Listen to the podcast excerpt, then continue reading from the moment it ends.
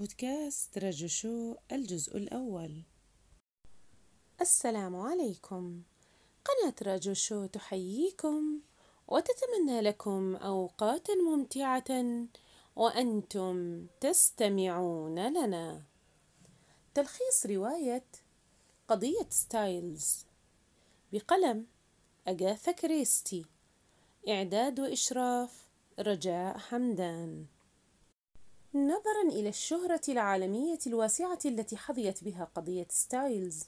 ورغم مرور زمن طويل عليها إلا أن صديقي العزيز بوارو وأفراد العائلة ذاتهم طلبوا مني أن أكتب عن القصة كاملة. اعتقادا منهم أن ذلك سوف يسكت الإشاعات التي دارت حول الأمر ويخرسها. التقيت بجون كافنديش الذي كان يكبرني بخمسة عشر عاما. لم أعد أراه منذ سنين لكني أعرفه قليلا منذ فترة الطفولة. فعندما كنت طفلا كثيرا ما كنت أقيم في ستايلز في إيسكس وهو قصر تمتلكه أمه. عمل جون محاميا لوقت قصير ثم استقر به المقام في قصر, في قصر ستايلز مع زوجته ماري كافنديش. متأملا من والدته أن تزيد من حصته المالية كي يستطيع أن يحصل على منزل مستقل. وكان لجون أخ أصغر منه اسمه لورانس. حاصل على شهادة الطب لكنه توقف عن ممارسة الطب مبكرا ليتابع طموحاته الأدبية. جون وأخوه لورانس طفلان صغيران. حينها تزوج أبوهما بامرأة أخرى ثم اشترى قصر ستايلز الريفي بعد زواجه بمدة قصيرة. وكان قد أوصى بالقصر لزوجته بعد موته بالإضافة إلى الجزء الأكبر من مرتبه. وأما السيدة كافنديش فكانت سخية جدا مع أولاد زوجها حتى إن الولدان كانا يشعران أن زوجة والدهما هي أمهما الحقيقية.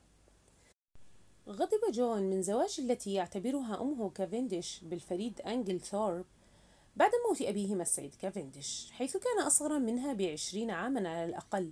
وقال إن هذا الرجل طماع ونصاب ظهر فجأة وادعى أنه قريب لإيفي صديقة أمه. أعجبت به أمي وبشخصيته وعينته سكرتيرا.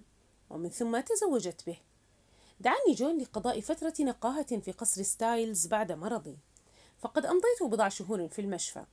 ثم طلب مني الدكتور أن أحصل على شهر آخر لآخذ فترة من الراحة. فقبلت دعوته على الفور وفرحت بها ولأن لي فيه ذكريات منذ الطفولة. ركبت القطار المتجه إلى قرية إيسكس وعندما وصلت كان جون ينتظرني بسيارته. وفي القصر وفي الطريق إلى القصر توقف جون قليلا أمام المشفى لكنه قال لم تكن سينيثيا الآن هنا ربما تكون قد وصلت إلى البيت.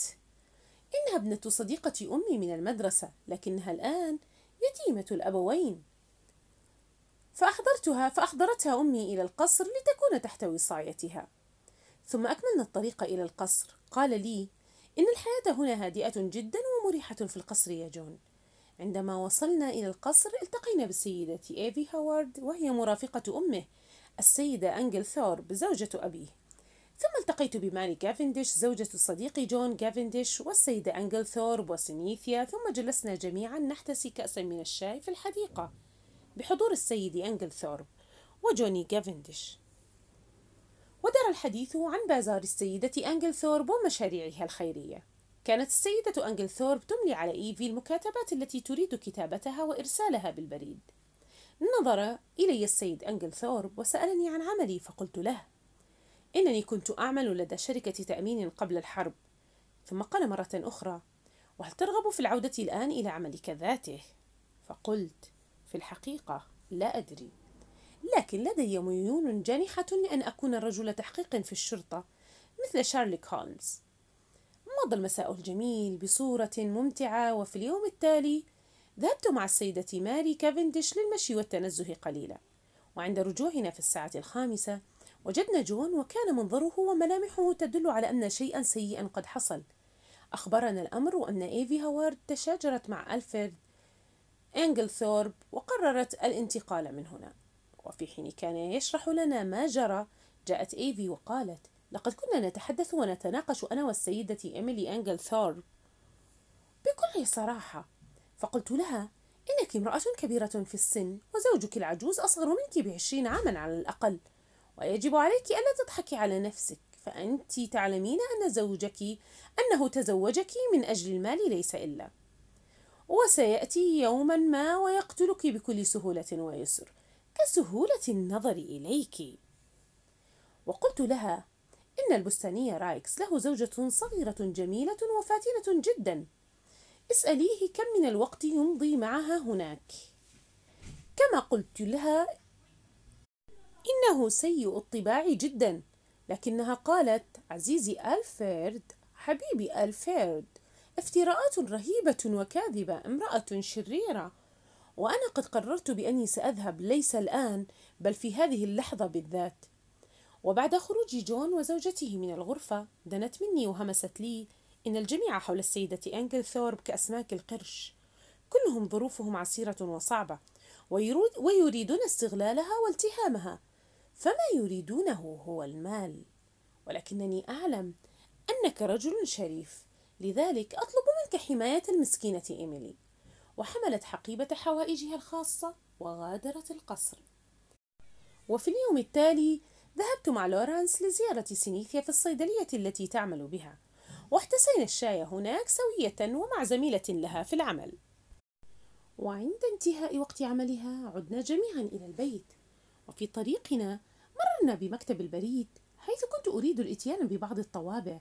وهناك رأيت صديقي العزيز بوارو فأخبرني أنه يقوم بعمل خيري من أجل السيدة أنجل ثورب وأنه أيضا على معرفة بالآنسة سينيثيا. ثم عدنا إلى المنزل وأنا أسرد لسينيثيا عن قصص هيركويل بوارو البطولية المذهلة وعن احترافه في التوصل إلى القاتل في جرائم القتل. عندما وصلنا إلى البيت رأينا السيدة إيميلي أنجل ثورب وكان واضحا عليها الإجهاد والتعب. قالت لنا لا داعي للقلق إنني بخير. وإنها سوف تذهب لإكمال بعض الرسائل قبل إرسالها بالبريد. فاقترحت على سينيثيا أن نلعب التنس ذهبت لإحضار المضارب من حجرتي فقابلت هناك ماري وهي تنزل عن السلم وكانت تبدو متعبة ومجهدة كثيرا وفي أثناء عودتي من أمام الغرفة المفتوحة سمعت الحديث التالي الذي دار بين السيدة أنجل ثورب وبين ماري كافنديش. كانت ماري كافنديش تقول بصوت امرأة تسيطر بيأس على نفسها إذا أنت لن تطلعيني عليها. أجابتها السيدة أنجل ثورب عزيزتي ماري ليس لها علاقة بذلك الأمر. إذا أعطيني إياها. أقول لك إنها ليست الشيء الذي تتخيلينه إنها لا تخصك بأي شيء. أجابتها ماري بمرارة ظاهرة. بالطبع كان يجب أن أعلم أنك سوف تتسترين عليه. عدت إلى الملعب وكانت سينيثيا تنتظرني وقالت لي إنه قد حدث شجار عنيف بين السيدة أنجل ثورب وبين دوراكس البستاني. ففكرت حينها بوجه السيدة رايكس الغجري زوجة البستاني وتحذيرات إيفي هاورد ولكنني حافظت على هدوئي. عدنا إلى البيت قرابة منتصف الليل. أيقظني لورانس وقال لي إن أمه متعبة ومريضة جدا وإن الباب مقفل عليها من الداخل بالمزلاج. ذهبنا إلى حجرتها وانضم إلينا جون واثنان من الخدم. حاولنا أن ندخل من الباب الموجود في حجرة السيدة أنجل ثورب والمؤدي إلى حجرة زوجته. لكنه كان مغلقا بالمفتاح وبدت الغرفة كأنها لم تستخدم ولم يكن على السرير أحد تلك الليلة. تجمع الكل وبدأ أن السيد أنجل ثورب هو الوحيد الذي لم يكن متواجدا حينها. حاولنا الدخول أيضا من الباب المتواجد في حجرة سينيثيا والمؤدي أيضا إلى غرفة السيد, السيد أنجل ثورب. لكنه كان مقفلا من الداخل. قلت لهم إنه من الأسهل تحطيمه أكثر من الباب الرئيسي للغرفة والموجود في الممر فقمنا بكسره ودخلنا جميعا. وجدناها ممددة على سريرها وجسدها يتروى بطريقة غريبة بسبب تشنجات عنيفة وبدأ كأنها أوقعت الطاولة المتواجدة بجانب سريرها خلال إحدى تشنجاتها. وعند دخولنا كانت قد ارتخت أعضاؤها وسقطت على السرير. ثم فجأة حدث لها تشنجات أخرى عنيفة قوية يصعب رؤيتها. ثم تقوس جسمها للأعلى بشكل غريب. وفي تلك اللحظة دخل الدكتور بورشتاين صديق السيدة أنجل ثورب وحاول تقديم المساعدة لها. لكن محاولاته كلها باءت بالفشل. ثم أطلقت السيدة أنجلثورب صرخة بصوت منخفض. ألفرد ألفرد. وسقطت على السرير بلا أي حركة. حاول الطبيب تحريكها بقوة وعمل لها تنفسا اصطناعيا لكن دون أي فائدة. لقد ماتت.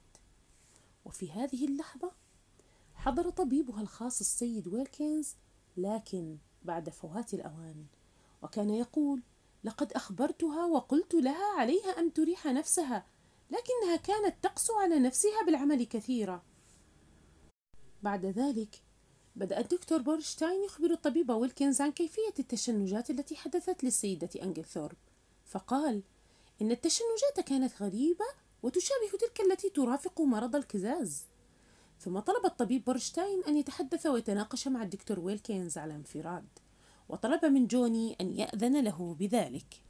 فسمح له جوني وخرجنا جميعا من الغرفة وأغلق الطبيبان على نفسهما الحجرة. نزل الجميع إلى الأسفل وكانت ماري كافنتش بجانبي فقلت لها أتدرين ما الذي يدور في رأسي؟ قالت وما الذي يدور في بالك؟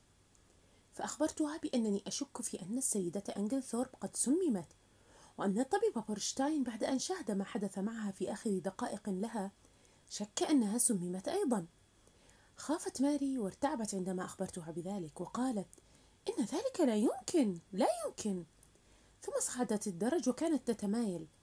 لحقتها كي لا تقع فقد كانت في حالة هستيرية غريبة. لكنها طلبت مني أن أتركها وحدها. فعدت إلى غرفة الطعام وجلست مع لورانس وجون.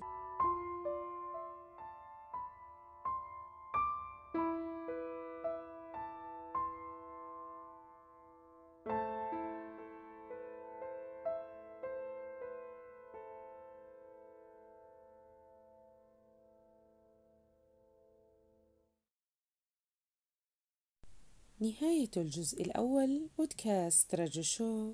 إلى اللقاء في الجزء الثاني.